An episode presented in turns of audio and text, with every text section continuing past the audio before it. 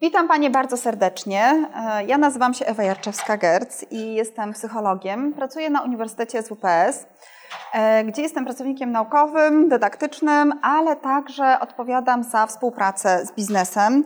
Od wielu lat, myślę, że już od 13, jestem psychologiem praktykiem. E, pracuję, mm, pracuję z firmami, także z osobami indywidualnymi, ale najczęściej prowadzę zajęcia grupowe, różnego rodzaju warsztaty dotyczące, no właśnie, dotyczące czego? Dotyczące głównie motywacji, e, stymulacji mentalnych, zaraz powiem czym one są, i stresu.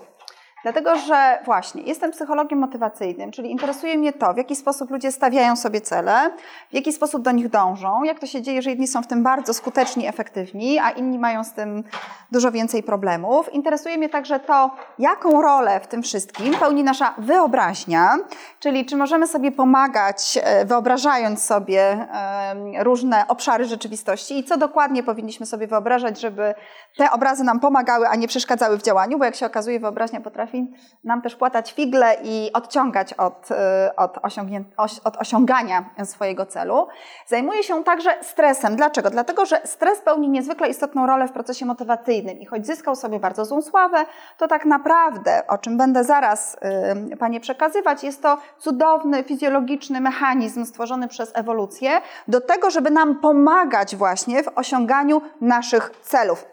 Jeżeli potrafimy zoptymalizować jego poziom e, właśnie do, do, do, do, takiego e, pułapu, w którym on nam pomaga, a nie przeszkadza, wówczas po prostu wygrywamy tak naprawdę z nim. Ale nie o to chodzi w życiu, żeby go całkowicie wyeliminować, dlatego że zwróćcie uwagę, jak jesteśmy totalnie zrelaksowani, zupełnie niezestresowani, to raczej mamy ochotę leżeć i pachnieć, a nie aktywnie działać. Zresztą ja właśnie zajmuję się tym, jak jak, e, dzień dobry, jak to zbalansować, te procesy samoregulacji, samokontroli, samoregulacji, czyli dogadzania sobie i samokontroli, czyli dogadzania naszym celom. Bo często jest tak, że cele, które chcemy osiągnąć, mimo że są dla nas miłe i przyjemne, to droga, która do nich prowadzi, wymaga od nas poświęcenia. Na przykład, żeby urodzić dziecko, prawda? Trzeba, trzeba najpierw przejść, przejść i wychować je, przejść przez pewne trudy, ale prowadzą one do pozytywnych, e, pozytywnych rezultatów. Dlatego właśnie będę dzisiaj mówić e, o stresie i o tym, w jaki sposób możemy go optymalizować. Przed chwilą mówiłam o wytrwałości, efektywności, a teraz skupię się na stresie. Oprócz tego, że, że, że jestem właśnie wykładowcą, ale także, także pracuję jako, jako trenerka, jestem mamą, mam dwoje dzieci, mam syna w trzeciej klasie i pięcio, pięcioletnią córkę. To jeżeli chodzi o mnie, przechodzimy do, do zajęć. No właśnie, słuchajcie, tak jak powiedziałam, ta ewolucja wykształciła w nas, kształtowała w nas i e, e, w tej chwili możemy korzystać z tego wspaniałego mechanizmu, jakim jest stres. Ale czym on tak naprawdę jest? Definicji, panie, spotkacie wiele, ale jak pytam ludzi o to, żeby oni sami zdefiniowali, określili, czym ten stres, stres jest, jest to zazwyczaj jakaś trudna sytuacja, która wpływa na nasze zachowanie w taki sposób, że najczęściej postrzegamy, że ona nas ogranicza, że to nam utrudnia w jakiś sposób funkcjonowanie. Można powiedzieć, że jest to reakcja naszego organizmu, najprościej motywując, na wydarzenie lub wyobrażenie. Ja bym chciała to podkreślić, dlatego że często to jest właśnie nasze wyobrażenie. To znaczy, e, my czasem Zresztą to nie jest takie istotne, czy to jest obiektywny czynnik, czy to jest czynnik wyobrażony, ale chodzi mi o to, że nie zawsze jest to w 100% obiektywne. Dlatego niektórzy z zewnątrz potrafią spojrzeć na to trochę inaczej, powiedzieć nam, słuchaj, ja nie wiem, czym ty się stresujesz, tak? Dla mnie to nie jest e, coś trudnego, dla mnie to nie, nie, nie, nie powinno cię tyle kosztować. Ale to jest nie dość, że wyobrażone, to jeszcze subiektywne, czyli tak naprawdę to nasza ocena, jakie to zdarzenie jest, wpływa na to, jak bardzo my go doświadczamy, jak bardzo ono nam pomaga lub e, przeszkadza. Może to być odbierane jako zagrażające, przerastające nasze możliwości. Ja będę dzisiaj mówić o tym, jaka jest różnica między stresem postrzeganym jako zagrożenie właśnie, a stresem postrzeganym jako wyzywanie. Czy to robi jakąś różnicę? No okazuje się, że to robi ogromną różnicę. Czy my postrzegamy trudną sytuację jako okoliczność, możliwość rozwoju, czy my postrzegamy ją jako coś, co, nas, co nam właśnie zagraża prawda? A ta percepcja wcale też nie zależy od obiektywnych, nie zawsze przynajmniej, od obiektywnych czynników. Ona czasem zależy od tego, jak my tę sytuację e, postrzegamy. E, co się dzieje, kiedy doświadczamy stresu? Widzę, że trochę nam obcina, no ale nic nie szkodzi. E, zaangażowana jest wówczas nasza sfera myśli, czyli nasze myśli krążą wokół trudnej sytuacji, krążą wokół stresora. Czasem nawet może się pojawić zjawisko, które nazywamy w psychologii myśleniem tunelowym. Tak, że widzimy tylko problem, e, że utknęłyśmy w tej sytuacji i nie potrafimy z niej wyjść, jakbyśmy były w takim e, tunelu. Więc nasze myśli są bardzo silnie zaangażowane e, w dany problem, który się e, pojawił, nie potrafimy o nim przestać myśleć. Ale oprócz tego zaangażowana jest sfera naszego ciała, czyli my ten stres czujemy, chociaż niektórzy w ogóle nawet nie są świadomi tego, że to jest, e, świadomi tego, że to jest stres. Na przykład boli głowa przewlekle, tak? albo boli kręgosłup, albo boli bark i nie wiemy, z czego to wynika, a może być to właśnie wynikiem tego napięcia, które odczuwamy, związanego z intensywnym, e, a co gorsza, czasem chronicznym stresem. E, ale także nasza sfera działania wówczas zostaje, e, zostaje włączona, pobudzona, na przykład reakcje typu walcz lub uciekaj, albo po prostu stawiamy czoło danej sytuacji, czasem dziwnie się zachowujemy, ludzie nas postrzegają, tak co się z tobą dzieje, prawda, my w stresie. Zresztą stres, powiem od razu, powoduje przez tę reakcję fizjologiczną, dlatego że stres ma bardzo silny korelat fizjologiczny. E, w momencie trudnej sytuacji do naszej krwi zostają wyrzucone trzy rodzaje hormonów, adrenalina, noradrenalina i kortyzol i one powodują, że pojawia się cały szereg reakcji fizjologicznych, prawda? I one z jednej strony e, w zadaniu, czyli w stresie zadaniowym nam pomagają, bo na przykład uciekniemy, bo jeżeli jesteśmy dobrze przygotowane, dobrze nam pójdzie prezentacja.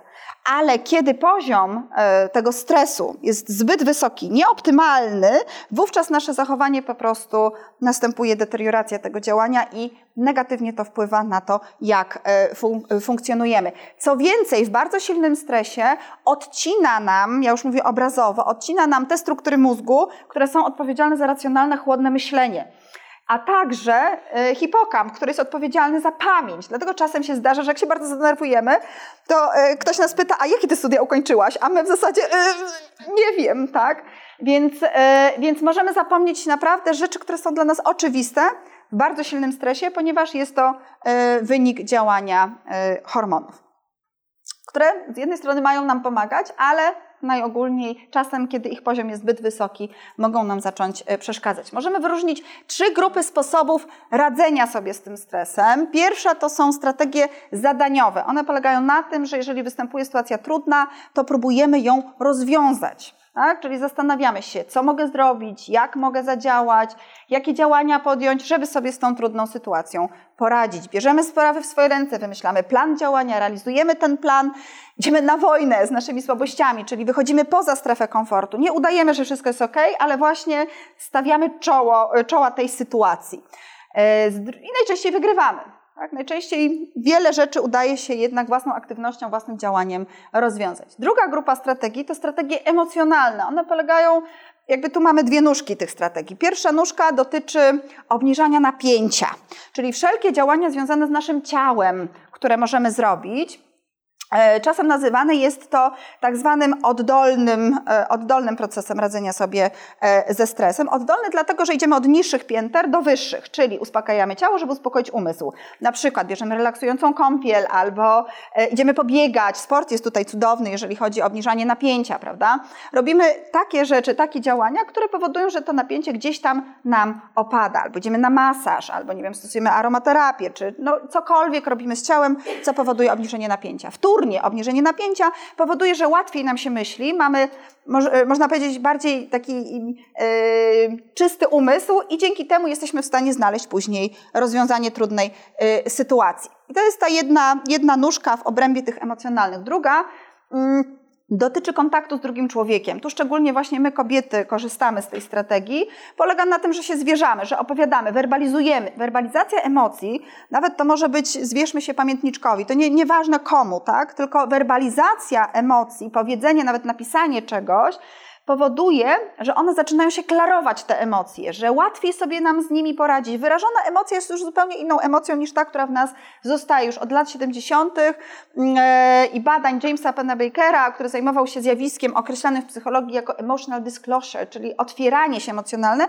Wiemy, że dużo lepiej otworzyć emocję i ją wygadać, przegadać, przeżyć, niż ją schować, bo ona później lubi wrócić, tylko że ze zdwojoną ze zdwojoną e, siłą. E, aczkolwiek, jeżeli chodzi o tę strategię, czyli wygadanie się, opowiadanie o problemie, to klucz też tkwi szczegółach. To znaczy, jak już powiemy, to zamknijmy i pójdźmy do przodu. Bo nawracanie, ciągłe powroty, otwieranie rany, ciągłe mówienie, rozmawianie z przyjaciółką o tym samym problemie, o tym, o tym samym jakby zdarzeniu, które nas gdzieś tam boli, będzie sprawiało, że to jednak będzie żyło swoim życiem i wpadniemy w tak zwane ruminacje, czyli negatywne pętle myślenia, przeżuwania, które niestety rozwiązania nam nie znajdą. I trzecia grupa strategii to są strategie unikowe. One są najmniej adaptacyjne. One polegają, e, mogą też polegać jakby na dwóch rodzajach, e, czy też dwóch grupach działań. Pierwsza grupa odnosi się do udawania, że wszystko jest w porządku. Ja czasem nazywam tę strategię jako zamiatanie pod dywan. Czyli mówimy, nie, wszystko jest ok, mnie nic nie boli, wcale mi nie jest przykro, wcale e, nie czuję się źle w tej sytuacji, zamiatamy, zamiatamy, no ale niestety ten kurz nie ginie on się nie rozejdzie. Stosuję czasem metaforę dywanu. Jak mają przyjść do nas znajomi, mamy trochę tam bałaganu w domu, możemy zamieść pod dywan i tego nie widać. Prawda? Nie ma. Rzeczywiście nie ma, nie ma tego kłopotu. Jeżeli my na drugi dzień wyjmiemy spod tego dywanu, sprzątniemy, no to wszystko będzie ok. Ale jeżeli kolejnego dnia zrobimy to samo i kolejnego, i kolejnego, i kolejnego, i tak przez trzy tygodnie, to w pewnym momencie co się zrobi pod tym dywanem? Taka buła, dokładnie, bo tam ten syf się zgromadzi i będzie taka buła. I jak będziemy y, miały dużo czasu, nie będzie stresu, wszystko będzie ok, to będziemy widzieć tę bułę i będziemy ją gdzieś tam y, mogły obejść, nie? Ale któregoś dnia będziemy się bardzo spieszyć do pracy, i zapomnimy i się na niej po prostu przewrócimy. I tak samo jest z naszymi emocjami, że możemy je, to jest mechanizm obronny. Czasem lepiej myślimy sobie, w tej chwili nie mogę tego rozgrzebać, nie? więc zamiatamy, zamiatamy, zamiatamy i ta buła sobie rośnie, rośnie, rośnie, ale wyczyśćmy ją w pewnym momencie, bo ona sobie, ona da nam sobie przypomnieć. Mhm. Mogę zadać teraz pytanie, czy? Proszę bardzo. o to zadaniowe podejście, czy takie właśnie działanie, żeby rozwiązać problem też nie jest czasami unikaniem tej emocji. Y, to znaczy, jeżeli temu towarzyszy jednak też przeżycie emocjonalne, to tak. Y, to, to, to, to, to jest ok, to jest adaptacyjne. Natomiast rzeczywiście w ogóle yy, powodowanie, jakby podchodzenie zadaniowe do każdej sfery swojego życia, każdego problemu, też może być formą ucieczki. Hmm? Słuszna uwaga. Natomiast rzeczywiście yy, zazwyczaj jednak, kiedy ludzie stosują te strategie zadaniowe, to na tyle rozwiązuje problem, że emocje same znikają. Tak? Ale pani mówi o sytuacji, w której to jest maska której to jest tak naprawdę zamaskowanie tego problemu, a nie rzeczywiste jego e, rozwiązanie. Hmm? Dobra, i druga nóżka w tych strategiach unikowych e, to jest, a ja powiem tylko czym to grozi. Ostatnio mi opowiadała znajoma, e, która jest radcą prawnym, to zamiatanie, to zamiatanie. Opowiadała mi o swoim kolegu, koledze, przepraszam, który w wieku 39 lat miał zawał serca i zmarł. I ona mówi, wiesz co, ale to był taki człowiek, który zawsze mówił, że przecież wszystko jest w porządku. On nie miał żadnych problemów. Tak? On był zawsze wyluzowany, on był zawsze uśmiechnięty. On nigdy nie mówił o tym, że jakaś sytuacja jest trudna. I nie miał ani nadwagi, ani jakichś tam czynników, które jakby zdrowotnie uzasadniłyby tę sytuację. I być może, ja nie twierdzę, że na pewno, ale jest duża szansa na to, że był to ten czynnik jednak silnego napięcia, które nie było nigdzie rozładowywane, tylko chowane gdzieś tam do, e, do wewnątrz. Zresztą ja bym chciała też, e, zakres dzisiejszych zajęć nie jest tak szeroki, ale powiem Panią tylko, że bardzo istotnym, czego nie ma w prezentacji, bardzo istotnym rozróżnieniem, jeżeli chodzi o stres, jest rozróżnienie na stres zadaniowy i chroniczny. Tu bym chciała, żebyście o tym wiedziały, pamiętały, bo stres zadaniowy to jest coś, co nas motywuje w zadaniu, co pomaga nam wykonać jakąś czynność, trudną e, sytuację rozwiązać, ale czym innym, i on wtedy zazwyczaj nam pomaga, ale czym innym jest stres chroniczny. Jego siła jest umiarkowana, on nie jest tak bardzo silny na co dzień, ale on trwa miesiącami, czasem latami. Znam ludzi, którzy przez wiele lat, nie lubiąc swojej pracy, czy mając bardzo trudną pracę, oni w zasadzie żyją w takim chronicznym stresie przez wiele lat. I tutaj nie ma wątpliwości, takim nierozładowywanym stresie, nie ma wątpliwości, że to wpływa bardzo negatywnie na nasze zdrowie i nie tylko psychiczne, psychiczne też, bo jest wiele badań pokazujących, że chroniczny stres może prowadzić do depresji, e, ale e, badania prowadzone przez zespół Sheldona Coena z Pensylwanii, oni tam mają taki Instytut e, Psychoneuroimmunologii, pokazują, że chroniczny stres obniża funkcjonowanie naszego układu immunologicznego, czyli bardzo negatywnie wpływa na naszą odporność. Stąd też um, pewne potwierdzone po części hipotezy wskazujące na, bo jeżeli chodzi o infekcje takie typu grypa i tak dalej, to nie ma wątpliwości. Tak? Czy na przykład opryszczka wargowa, że, że stres jest czynnikiem no, obniżającym funkcjonowanie naszego układu odpornościowego i przez to częściej chorujemy, łapiemy infekcje, one dłużej trwają i tak dalej. Odsyłam do badań właśnie Sheldona Coena, jeżeli Cohen, e, jeżeli któraś z Pań byłaby tym zainteresowana. E, natomiast też jest już coraz więcej jednak i obserwacji klinicznych i wyników badań, które pokazują, że także w rozwoju bardziej poważnych chorób, takich jak na przykład choroby nowotworowe, dlatego że e, silny układ odpornościowy sprawia, że jesteśmy w stanie z taką chorobą walczyć, a kiedy on jest osłabiony, wówczas jest e, nam dużo, dużo trudniej. Ale oprócz tego, że ważne jest to, jaki rodzaj jest to stresu, czy jest to stres zadaniowy, czy stres chroniczny, okazuje się, że są też pewne różnice między płciami, jeżeli chodzi o regulację stresu. Kobiety częściej stosują strategie emocjonalne, ale też częściej idziemy na zakupy, obiadamy się, uciekamy w sen. To oczywiście ja nie mówię, że pani czy pani tak robi, tylko to jest na poziomie pewnych e, tendencji, pewnych, e, pewnych wyników ogólnych. Natomiast mężczyźni częściej stosują strategie zadaniowe, ale też częściej sięgają na przykład po alkohol i inne używki. Także dobrze mieć świadomość, y, co i jak, natomiast y, przede wszystkim to, co problem rozwiązuje, to y, zadania, ale też jakby opatrzone trochę tymi emocjonalnymi strategiami. Zwrócono mi uwagę, że ważnym tematem będzie dla pań także stres związany z powrotem e, do pracy po urlopie macierzyńskim. E, czy tutaj wśród pań są takie doświadczenia? Mhm. No właśnie, no właśnie. No i pojawia się pytanie, dlaczego ten stres się pojawia? Co nas tak naprawdę stresuje? No stresuje nas oczywiście mnóstwo e, czynników. Na przykład, nie zawsze wiemy, co się działo dokładnie w firmie, chociaż często mamy kontakt z ludźmi, no ale nie, byliśmy, nie byłyśmy tam fizycznie, więc no nie do końca wiemy. E, pojawiają się czasem zmiany strukturalne, personalne. Mamy nowego dyrektora na przykład, tak? osobę, która nami ma zarządzać. Czasem okazuje się, że nie mamy klientów. Tak? W sytuacji, kiedy wracamy po urlopie i ktoś przejął naszych klientów, teraz on ich obsługuje. Nie mamy projektów. Ale też, na co chciałabym zwrócić uwagę, poczucie, że nadaje się już tylko do zmiany pieluch, czyli po prostu już jakby e, mimo, i słuchajcie, to są doświadczenia bardzo różnych kobiet, bardzo silnych kobiet, nie tylko powiedzmy, no bo nam się może wydawać, no, no, no nie, no ale to, że tam przez dwa lata zmieniała pieluchy, no, a była wcześniej 10 lat jakąś tam znaną osobą.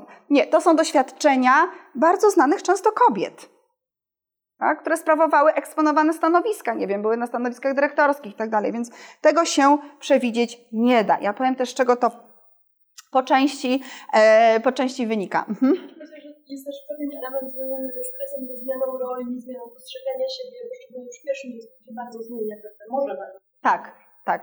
Ale mhm. winy też, tak? Czyli nie było nas 9 miesięcy pracy, ktoś za nas pracował. Mhm. Tak, tu jest mnóstwo czynników. Mhm. Dziecku, jak wróciłam do pracy, nie czułam się zestresowana, tylko zmotywowana do tej pracy, ale spotkałam się ze ścianą w pracy, że zaczęli inaczej mnie e, postrzegać. Aha, e, aha. Przełożony dyrektor jako mhm. właśnie tą gorszą pracownicę, która ma dziecko, która da mniej z siebie, która mhm. będzie odchodzić na L4, no bo ma dzieci. Tak, I, tak. to wywołało raczej stres niż sam powrót do pracy, bo mhm. mhm. E, powrót do pracy można właśnie jako nową, nowe wyzwanie. Ale dobrze, że Pani o tym mówi. Ja powiem, tylko widzi Pani, tak, że często, znaczy powiem może inaczej, gdyby nas to nie obchodziło, co oni sobie myślą, to by nas to nie dotykało. Znaczy w tym sensie, być może akurat w tym przypadku to było bardzo obiektywne, że oni panią, nie wiem, w jakiś sposób wpływali bezpośrednio na pani działanie. Bo to, że ludzie gadają na przykład, to jest jedna kwestia, ale czy my to przyjmujemy, to jest inna inszość. Ale to się wiąże z tym, że na przykład nie dostaniemy że ciągle... Okej, czyli czynniki... Jest bo przecież pracodawca, który jest mądry, matka to jest najbardziej zorganizowana. Tak, ale są badania zrobione, ale... Tak, tak, tak, tak, tak, tak. Tak, tylko że ciężko spotkać w Polsce mądrego menadżera. Przepraszam, że to mówię. A to chyba to jest też takie ograniczające przekonanie, że tak jest, bo ja na przykład spotykałam mądrych menadżerów lub. Znaczy ja wiem, że jest i tu, i tu. Znaczy są sytuacje obiektywne, że wchodzimy i są rządy mężczyzn, a czasem rządy kobiet, które, które, które też traktują inaczej, tak? Natomiast, e, natomiast na to wpływu nie mam, ale mam wpływ na to, jak ja siebie postrzegam, prawda? I dlatego ja bym chciała na to zwrócić uwagę, bo my świata jakby, oczywiście my go zmieniamy krok po kroku, chociaż przed nami jeszcze bardzo wiele zmian i powiem szczerze, że e, no właśnie, e, to o czym ja bym chciała porozmawiać teraz chwilę, to jest samoocena. To jest nasza samoocena, nasze poczucie własnej wartości i wciąż niestety kobiety, mimo że jak badamy wysokość samooceny, to my mamy równie wysoką jak facet. Ale wiecie, co oni mają innego niż my? Oni mają stabilną samoocenę, co jest fascynujące. Po części wynika jednak ciągle z tego, jak my wychowujemy chłopców i dziewczynki. Ja mam i syna, i córkę i, e, i obserwuję to, jak ja wychowuję moje dzieci, jak wychowują moje, y, swoje dzieci inne osoby. Do czego zmierzam? Dwa dni temu widziałam w internecie filmik e, w sklepie odzieżowym, na którym była ośmioletnia dziewczynka, która oceniała ubrania, to co jest napisane na ubraniach dziewcząt i to co jest napisane na ubraniach chłopców. Widziałyście ten filmik? Świetny jest. Na ubraniach chłopców jest adventure, tak? Przygoda, realizuj siebie, idź, go for it, tak? Zrób to i tak dalej. Na, ubrana, na ubrankach dziewczynek jest yeah, what a pretty girl, tak? Czyli ciągle, nawet na poziomie odzieży tego, ale my to zakładamy i później my to pokazujemy innym.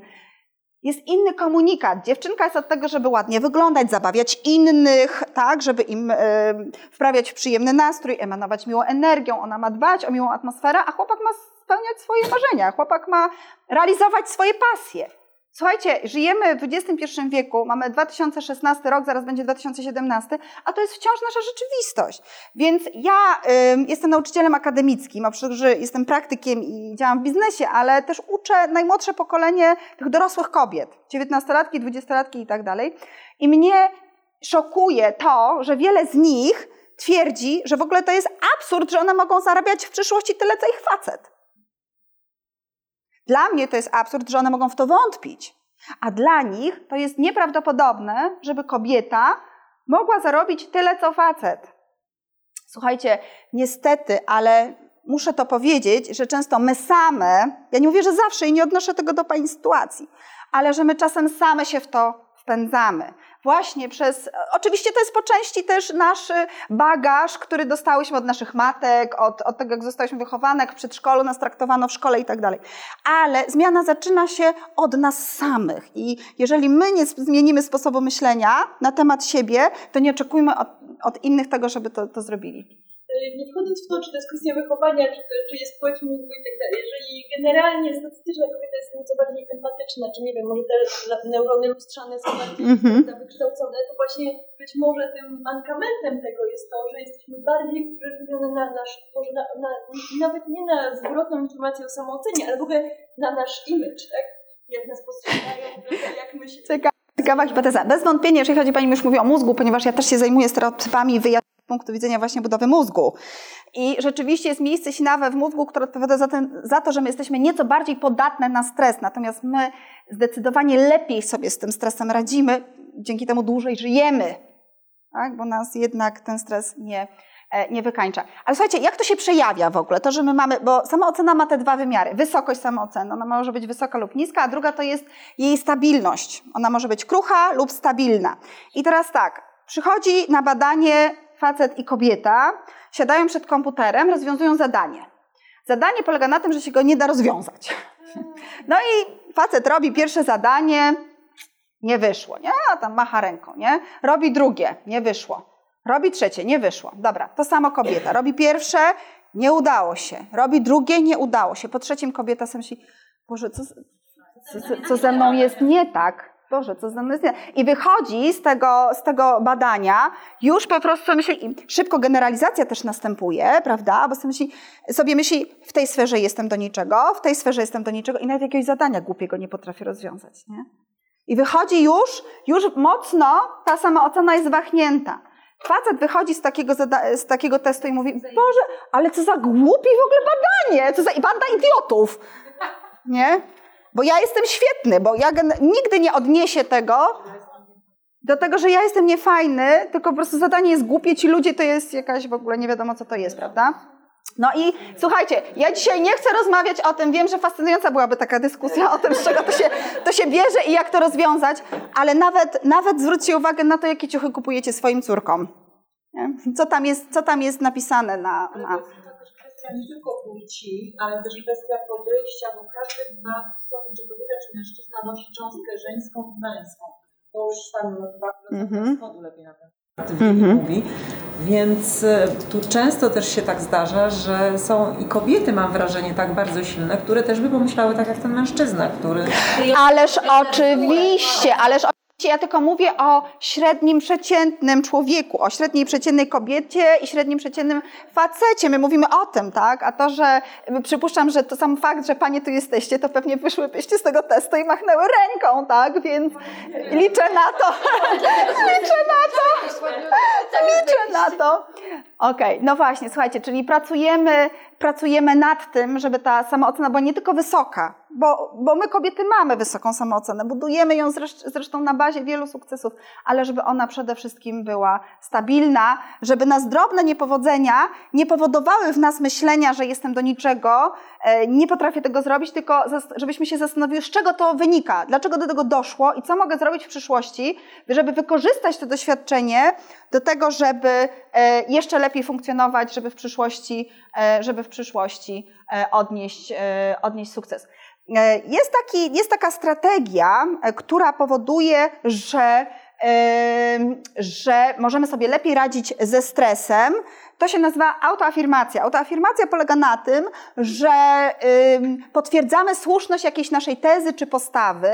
Możemy na przykład, wchodząc na trudne wyzwanie, zadanie, możemy pomyśleć o tym, kim my jesteśmy, jakim jesteśmy osobami, co udało nam się w życiu osiągnąć, jakie są nasze wartości, że na przykład jesteśmy lojalne, że e, nie oszukujemy. Odniesienie się do takich wartości powoduje, że stres się obniża. I w jednym z badań, które zostało przeprowadzone przez Cresswella i jego współpracowników, podzielono uczestników na dwie grupy. W pierwszej grupie wykonywali zadanie, którego celem była aktywizacja i afirmacja wyznawanych przez siebie wartości. W drugiej grupie jedynie angażowali się, w drugiej tylko aktywizowali swoje wartości bez dokonywania takiej autoafirmacji, tak? czyli potwierdzenia, że jest to słuszne. Oni wykonywali stresujące zadanie. Co to było za zadanie? Otóż ich zadanie. Yy, słucham? To jest autopotwierdzenie. Ja bym tego nie kojarzyła z tym, jak to funkcjonuje e, w języku potocznym. Bo autoafirmacja w języku naukowym to jest potwierdzenie jakby e, słuszności e, swoich pewnych kompetencji, swoich wartości, swoich przekonań, przypomnienie sobie, jakby wrócenie myślami do pewnych struktur, do doświadczeń, które gdzieś tam w przeszłości zrobiliśmy, udowadniające, że jesteśmy wartościowym człowiekiem. Tak, jest w ogóle, ja uczę na studiach podyplomowych e, biegun, e, których twarzą jest Marek Kamiński, ten podróżnik. E, są to studia z motywacji. E, I e, właśnie Kamiński e, mówi o takiej strategii, już tu byłem. To się nazywa strategia, już tu byłem. On to jest taka strategia, która polega na, na tym, że my wracamy myślami do sytuacji, w których gdzieś tam się miałyśmy, musiałyśmy znaleźć. Była ona trudna i sobie poradziłyśmy. To jest właśnie tego typu strategia. Już tu byłam. Ja wiem, jak to zrobić. Jestem w stanie poradzić sobie z tą trudną sytuacją. Czasem, słuchajcie, trzeba sobie zapisać bardzo prosta metoda. Nie wiem, swoje, jak idziemy na trudne spotkanie, swoje sukcesy na postitach i wsadzić do torebki, tak? Albo czasem, nie wiem, przypomnieć sobie jakieś miłe wspomnienie, to, że ktoś nam powiedział coś miłego, że jesteśmy, że jesteśmy fajne, dobre, że jesteśmy inteligentne, że coś udało nam się fajnego zrobić. Przypomnienie sobie czegoś takiego powoduje, że mamy więcej pewności e, siebie. E, to zadanie, o, którym, o które chodziło w badaniu, E, oni mieli wygłaszać prezentację, która uzasadniała, dlaczego są właściwym kandydatem na stanowisko asystenta administracyjnego Uniwersytetu Kalifornijskiego. Czyli było to, powiedzmy, coś takiego jak rozmowa o pracę, rekrutacja, tak? Więc było to na pewno stresujące dla wielu osób. E, mowa była wygłaszana przed komisją, która wprowadzała napiętą atmosferę. Oni specjalnie, oni byli poinstruowani, żeby tam szpikulce wkładać. Czyli mieli krytykować, mieli pouczać. Na przykład mówili, no to mów szybciej, bo już nie mam czasu. Tak, przerywali, dokładnie, dokładnie. Czyli jakby jeszcze ten stres był wyższy. Okazało się, drogie panie, że w obu grupach badani postrzegali zadania jako stresujące, ale w grupie pierwszej, czyli tam, gdzie dokonywały autoafirmacji, nie nastąpił istotny statystycznie wzrost stężenia kortyzolu w ślinie, czyli nie było tak silnej reakcji fizjologicznej. Mimo, że oni percepowali, że jest trudno, ale nie było tej takiej potwornej reakcji w środku naszego organizmu. Czyli można powiedzieć, że to optymalizuje poziom stresu. Czyli ten stres był, ale on był na takim poziomie, który pomagał tym ludziom przejść fajnie przez, yy, poprawnie przez to zadanie. A w ogóle to Yy, szczerze powiedziawszy, jeżeli chodzi o wyniki, to oni byli też lepiej postrzegani przez komisję tak? ci, którzy tych autoafirmacji wcześniej e, dokonali. Ja tylko wspomnę, mówiłam już o tym, że rozregulowanie poziomu kortyzolu jest jedną z głównych przyczyn właśnie e, problemów z układem immunologicznym, e, kiedy doświadczamy takiego chronicznego. Nie jesteśmy świadomi, jak sobie. No tak, tak, no ale teraz już Panie wiecie, nie? I mówiliśmy o tym, że można różne rzeczy robić. Można medytować, można obniżać. Bo to chodzi, to chodzi o ten korelat fizjologiczny przede wszystkim, nie? To napięcie. Sobie, żeby do niego nie doszło, tylko moje pytanie mhm. brzmi, skąd wiemy, że on się pojawia, że on jest. My go czujemy. My go czujemy. Słuchajcie, no bo to jest tak, to jest ten wyrzut potu, to jest to, że się pocimy. To jest zresztą w przewlekłym stresie to jest na przykład problemy z bezsennością. To jest to, że my się kładzie o kortyzol idealnie się w nocy, bo w nocy powinien kortyzol być najniższy, osiągając najwyższy poziom rano. Dlatego, że rano wstajemy i jesteśmy zadaniowe i działamy, tak? Natomiast jeżeli ktoś ma wysoki poziom kortyzolu w nocy, to nie może spać, po prostu. E, dlatego właśnie, e, ponieważ ja jestem w ogóle fanką sportu i uważam, że aktywność fizyczna bardzo pomaga w optymalizowaniu poziomu stresu, ale jak pójdziemy biegać o 22 i strasznie się nabuzujemy, to też nie uśniemy, dlatego że to podwyższa jednak kortyzol tak? i adrenalinę, więc, więc generalnie... Słucham? Endorfiny są, jak najbardziej, ale powoduje też jakby takie pobudzenie, że wiele osób doświadcza później problemów ze spaniem. Słucham? Endorfiny właśnie są za to e, odpowiedzialne, za ten wyrzut. E. Endorfiny są przyjemnością. To jest jakby, odczuwamy dzięki nim przyjemność, tak? Natomiast inne hormony też się pojawiają oprócz e, endorfin, więc... Mhm. Dlaczego przy to bieganie, mhm. a e, basen, który też e, jest sportem i daje mhm. wyrzut ale nie aż tak. To nie aż tak. Słuchajcie, to też zależy od tego, ponieważ ja sportem też się trochę zajmuję. I teraz tak, jeżeli sport jest bardzo intensywny, to ma dokładnie takie samo działanie jak przewlekły stres. Jest mnóstwo publikacji pokazujących, że zawodowi sportowcy mają obniżony y, układ obniżone funkcjonowanie układu odpornościowego w tych okresach, kiedy najbardziej intensywnie trenują. Na przykład piłkarze w trakcie, jak mają e, jak mają e, te sezony takie bardziej intensywne, zresztą akurat też piłką nożną się interesuje i niedawno miałam spotkanie z e, performance manager e, z Manchester United i on dokładnie o tym mówił, że w, w okresach, kiedy oni mają zintensyfikowane mecze, to u nich odporność po prostu bardzo spada, ale także takim, to jako ciekawostka, też także takim czynnikiem jest na przykład jak rodzi się dziecko, tak, piłkarzowi, no jednak okazuje się, że oni się angażują w życie rodzinne, wstają do dzieci w nocy i tak dalej i też wtedy zdecydowanie gorzej zaczynają e, funkcjonować. Ale oni tyle zarabiają, że, że naprawdę są. że to nie ma najmniejszego znaczenia. Słuchajcie, to, co jest bardzo istotne w tym, jak my na ten stres reagujemy, to jest jak, sposób, w jaki my go postrzegamy. Czy my postrzegamy go jako wyzwanie czy jako zagrożenie. W zeszłym roku e, prowadziłam taki projekt, który był skierowany dla e, gimnazjów e, warszawskich. Tam udział brało 63 gimnazja w projekcie, tytuł projektu Motywator, e, zajmowaliśmy się motywacją, a stworzyłam taki kwestionariusz do badania poziomu motywacji gimnazjalistów, motywacji siły woli, a także spotykałam się z nauczycielami, prowadziłam z, nim, e, z nimi różnego rodzaju warsztaty dotyczące właśnie motywacji, stresu, wypalenia zawodowego i, i, i tego typu zmiennych psychologicznych. No właśnie, i dlaczego o tym mówię? Mówię o tym dlatego, że to jest, się bardzo jakby też bierze z edukacji, znaczy sposób, w jaki my otrzymujemy instrukcję o wykonaniu zadania, bardzo silnie wpływa na to, po pierwsze, jaki mamy poziom stresu, a po drugie, jak ono nam idzie. Jeżeli mamy podaną instrukcję na temat zadania w formie właśnie wzbudzającej w nas wyzwanie, wówczas pojawia się szereg bardzo pozytywnych mechanizmów, które nas wspierają i pomagają nam ten cel osiągnąć, zrealizować. Ale może pojawić się także taka forma, która powoduje, że mamy poczucie zagrożenia i to w tym samym zadaniu. Bo jeżeli ktoś mówi do nas, słuchaj, to jest trudne, ale jestem przekonana, że sobie z tym poradzisz, bo już nieraz takie rzeczy robiłaś, tylko dobrze zaplanuj, przygotuj się i nie mam wątpliwości, że jesteś w stanie to zrobić, to my mamy wyzwanie. Coś jest trudnego, ale ciekawego. To jest coś, czemu jestem w stanie sprostać. Jeżeli ktoś podaje instrukcję w taki sposób, że to jest zagrożenie, czyli mówi, wiesz, to jest bardzo trudne, Zosiu, ja, ja nie wiem, szczerze mówiąc, no próbuj, ale wiesz, no ja nie sądzę, żebyś ty się tego nauczyła, prawda? Bo mądrzejsze dzieci próbowały i się nie nauczyły. Więc e, wtedy nas ratuje przekora, no właśnie, bo czasami może być dla innej osoby wyzwaniem, bo ona stwierdzi, jak to wszyscy nie dali. Ale to będzie wyzwaniem dla wyjątku. Natomiast rzesze osób, z którymi pracuję, mówią, ja pamiętam jak w trzeciej klasie, moja tak, a kobieta 40 lat, pamiętam jak w trzeciej klasie pani od plastyki, czy tam pan od muzyki mi powiedział, że ja nie jestem w stanie tam zagrać na flecie, czy cokolwiek. I to się pamięta, i to wpływa. Drogie panie, to wpływa. My tutaj mamy silne kobiety, ale wiele kobiet nie ma w sobie tyle siły, żeby właśnie potraktować to, a ja zrobię inaczej, zrobię tak, to ja mu udowodnię to, że, że on się myli. Dla wiele osób to zadziała jednak w taki sposób, że ich to będzie zaczynało po prostu przerastać. Wyzwanie e, powoduje, że jesteśmy zmobilizowane do walki, mamy przypływ energii, tak zwana energizacja, czujemy taką ekscytację.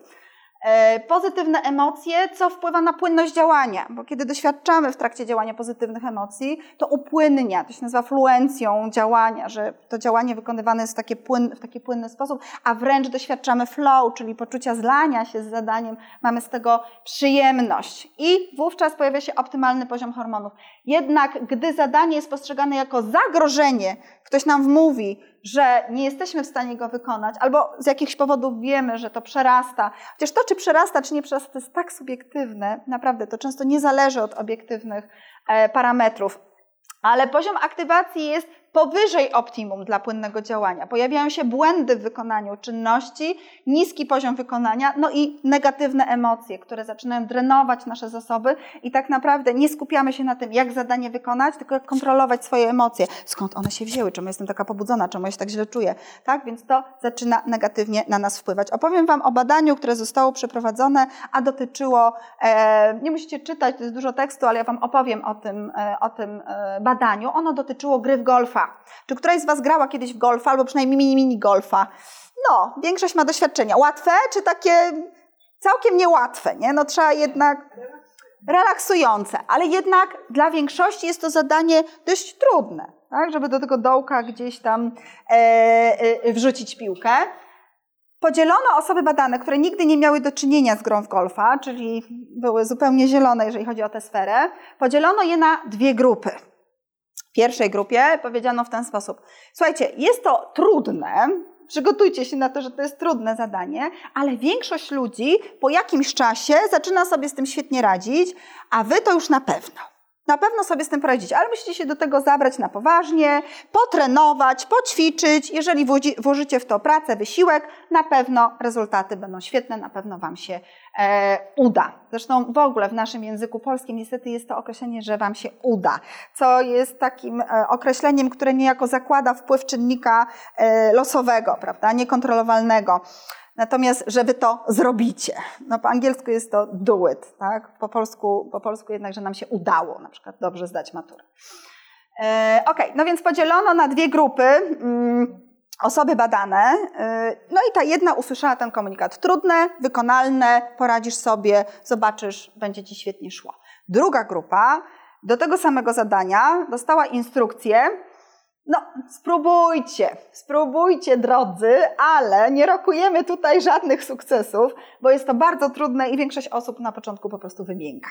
Tak, tutaj jakby nie, życzymy Wam jak najlepiej, ale nie wierzcie w to, że cokolwiek może Wam tutaj dobrego się przytrafić. No i po treningu, po grupach treningowych był, y, były zawody. To znaczy po prostu mieli tam już wrzucać e, do tego dołka, było to mierzone. Co się okazało? Okazało się, że po pierwsze osoby, które były zakwalifikowane do grupy wyzwania, dużo lepiej radziły sobie z tym zadaniem, miały dużo niższy lęk w ogóle wykonując tę czynność. Oni mówili, e, nawet jak był lęk, stres, to on był motywujący, tak? A osoby z grupy zagrożenia mówiły, czułem się tak sparaliżowany, że nie potrafiłem działać, że mi ręka drżała przy kijku. Tak? No i na poziomie obiektywnym też była różnica, bo osoby z pierwszej grupy dużo celniej trafiały, dużo, dużo częściej w ogóle trafiały do dołka, aniżeli osoby z drugiej grupy. Słuchajcie, jeżeli uwierzymy w to, że nie potrafimy e, tego zrobić, to bez wątpienia tak właśnie będzie. Od razu ten stawia przed oczami, damy radę, co można powiedzieć, że to takie pozytywne znaczy, oprócz dania rady, to trzeba mieć plan e, i go konsekwentnie, i go konsekwentnie e, wdrażać. Ja mówiłam na tamtych zajęciach właśnie o tym, e, o pułapkach pozytywnego myślenia, o tym, że czasem jak właśnie za bardzo się głaszczemy i mówimy będzie dobrze, będzie dobrze, to nie bierzemy się do działania. Tak? Czyli nie ma później tych efektów. Dobra, słuchajcie, energia, e, stres to energia, energia to stres. E, potrzebujemy energii pozytywnej, żeby zoptymalizować poziom stresu.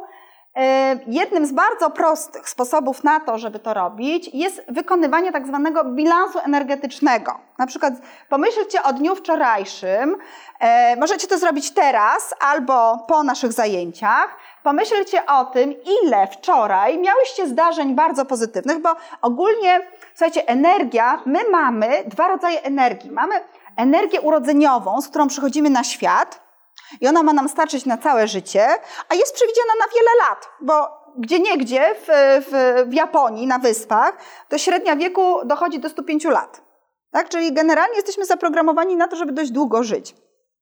To jest ta energia urodzeniowa, ale drugi rodzaj energii to jest energia, energia e, codzienna.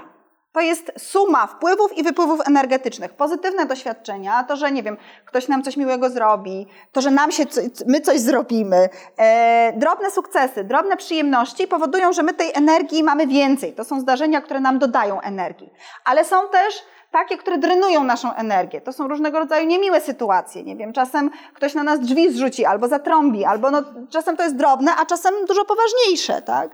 E, sytuacja. W każdym razie pomyślcie o tym, jakie miałyście wczoraj e, pozytywne, bardzo pozytywne zdarzenia i nadajemy im wartość liczbową 2, jakie zdarzenia, no powiedzmy umiarkowanie pozytywne 1, zdarzenia neutralne, minus 1 to zdarzenia negatywne i minus 2 to zdarzenia bardzo negatywne.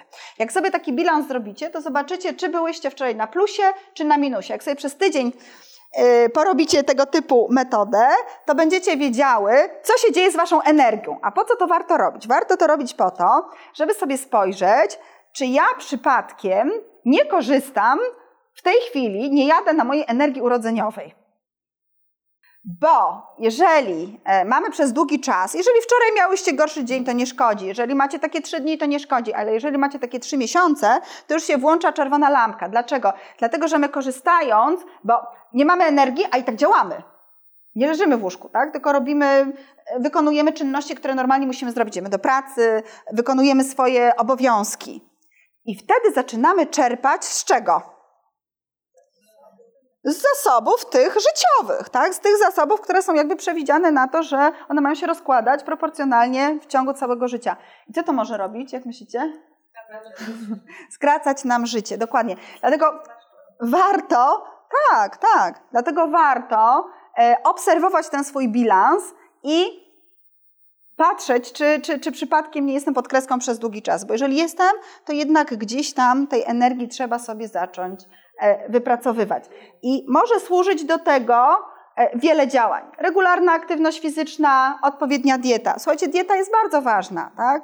Znaczy dieta, ja, ponieważ e, uczę na psychodietetyce, uczę także, prowadzę wykład ze zdrowego stylu życia, dla mnie jakby dieta to przede wszystkim jest zdrowie, to jest kwestia tego, jak my się czujemy. Efektem ubocznym jest dobry wygląd, ale kiedy naszym motywatorem głównym do tego, żeby zmienić dietę jest, że chcemy schudnąć, czy zmienić, to nie zawsze jest skuteczne. Znaczy, skuteczna jest zmiana stylu życia po to, żeby być zdrową osobą, a dobry wygląd jest cudownym produktem ubocznym. Natomiast y, prawdziwym jest y, przekonanie o tym, że my mamy ogromny wpływ na swoje reakcje fizjologiczne. Chociaż nam się wydaje, i często tak jest, że jednak te reakcje fizjologiczne wydają się rządzić nami, to jednak my jesteśmy w stanie nauczyć się rządzić nimi. Tylko to jest długotrwały proces. To jest e, e, na przykład choćby przygotowywanie się do tego typu rozmowy wcześniej. To jest odprawianie symulacji w głowie, ale także na przykład z innym człowiekiem, robienie sobie scenek. To jest pójście, nie wiem, na szkolenie, z, bo mamy silny lęk społeczny społeczny, z obniżania lęku społecznego. To jest mnóstwo działań, które możemy zrobić, ale przede wszystkim trening, trening, trening, czyli jednak wychodzenie poza strefę komfortu, robienie to, nie wiem, z przyjaciółką, e, z partnerem, przed dzieckiem, przed kimkolwiek, ale jednak trenowanie tego typu e, działań, sytuacji, ale także umiejętność pracy ze swoim oddechem. Tak? I to też tutaj mamy. Jednak e, większość z nas, większość ludzi oddycha w taki sposób, żeby po prostu przeżyć. Dokładnie. Natomiast e, my nie wykorzystujemy w pełni, znaczy coraz więcej jest osób jednak świadomych, ludzie chodzą na jogę, czytają dużo o tym, zresztą mnóstwo jest materiałów w internecie, możecie Pani na ten temat znaleźć, ale rzeczywiście choćby ćwiczenia oddechowe e, są takim czynnikiem, który potrafi obniżyć napięcie i spowodować, że e, ten stres będzie nieco nieco mniejszy. I oczywiście przygotowanie. Dlaczego? Dlatego, że my się często stresujemy wtórnie swoją reakcją fizjologiczną. Wchodzimy i czujemy stróżkę potu, jak nam cieknie, tak? Na przykład. Albo podnosimy e, tak, rękę do góry i tutaj taka plama i to nas wtórnie zaczyna stresować jeszcze bardziej. Czyli przygotowanie do tego, żeby tego po prostu nie było. Czyli praca ze swoim ciałem, z oddechem, żeby ta reakcja nie była tak e, gwałtowna. Albo choćby założenie odzieży, która nie pokaże e, stresu. Dokładnie tak. E, no właśnie, i ta dieta. Ja bym chciała, żebyście Panie zapamiętały, że, e, że rzeczywiście e, jesteś tym, co jesz. Tak? Czyli jak się najemy e, jakichś e, rzeczy, które są śmieciowe, potem czujemy się, no właśnie, dużo, dużo gorzej. Ćwiczenia oddechowe, relaksacja, yoga, medytacja, aktywne podejście do problemów, to o czym mówiłyśmy, dbanie o emocje, rozmowy e, i bliskość z ludźmi, a także przyjęcie pięciu priorytetów pozytywności. Ja Paniom powiem szybko już o tych priorytetach, bo one nie są takie długie. Pierwszy priorytet to jest delektowanie się to jest delektowanie się. Delektowanie się życiem. Każdą, każdą sytuacją można się delektować. Można się delektować oczywiście konsumacyjnie, nie wiem, ciastkiem, które gdzieś tam zjadamy i jest pyszne. no, nie takie straszne. Można się też marchewką delektować, także. E, ale można się delektować także wspomnieniem. Czymś przyjemnym, co nas spotkało w przeszłości. Więc wydłużanie, intensyfikacja bodźca, sprawianie sobie drobnych przyjemności. Drugi priorytet to jest wdzięczność. Znam osoby, które robią sobie codziennie taki bilans wieczorem, za co jestem wdzięczna. Pięć rzeczy, za które jestem wdzięczna, plus jedna miła sytuacja. Przeszłam, robiłam, świetnie działa. Naprawdę. W sytuacjach, kiedy mamy gorszy moment życiowy, kiedy dzieje się coś naprawdę złego, a to się dzieje, to u każdego, u każdego zdarzają się gorsze momenty, bardzo pozytywnie wpływa to na nasz nastrój może, może polegać na pisaniu dziennika albo mówieniu komuś, dzieleniu się z kimś, za co jesteśmy wdzięczni i dlaczego jesteśmy wdzięczni. Trzeci priorytet to jest życzliwość. Jest błędne koło życzliwości. Kiedy jesteśmy życzliwe wobec innych, pojawia się dobre samopoczucie, pozytywne emocje, a one sprawiają, że mamy ochotę być życzliwi. Tak? Ale jest też błędne koło nieżyczliwości, które powoduje, że jak jesteśmy złośliwi, zawistni, najczęściej w konsekwencji to do nas wraca i po godzinie, dwóch godzinach czujemy my się źle ze sobą, że wobec kogoś zachowaliśmy się złośliwie czy w jakiś nieprzyjemny sposób, co powoduje zwrotnie, że znowu jesteśmy bardziej skłonne do tego, żeby zachować się w taki e, sposób. E, kolejna rzecz to jest nadawanie znaczenia, które polega na tym, że poszukujemy sensu, także w bolesnych doświadczeniach, także w trudnych. E, badania prowadzone przez Shelley Taylor w latach 80. z chorobami, które, e, z kobietami, które chorowały na raka piersi, pokazały, że te, które nadawały znaczenie, odnajdywały jakiś sens w tym dramatycznym wydarzeniu, które je spotkało, dużo lepiej wychodziły z choroby i po latach okazało się, że to za sprawą tego, że miały silniejszy układ odpornościowy. Nadawanie znaczenia powoduje, kiedy my jesteśmy w stanie nawet bardzo bolesne doświadczenie w jakiś sposób zrozumieć, powoduje, że pojawiają się zmiany fizjologiczne, które sprzyjają wyjściu e, z choroby i z bolesnego, e, z bolesnego doświadczenia.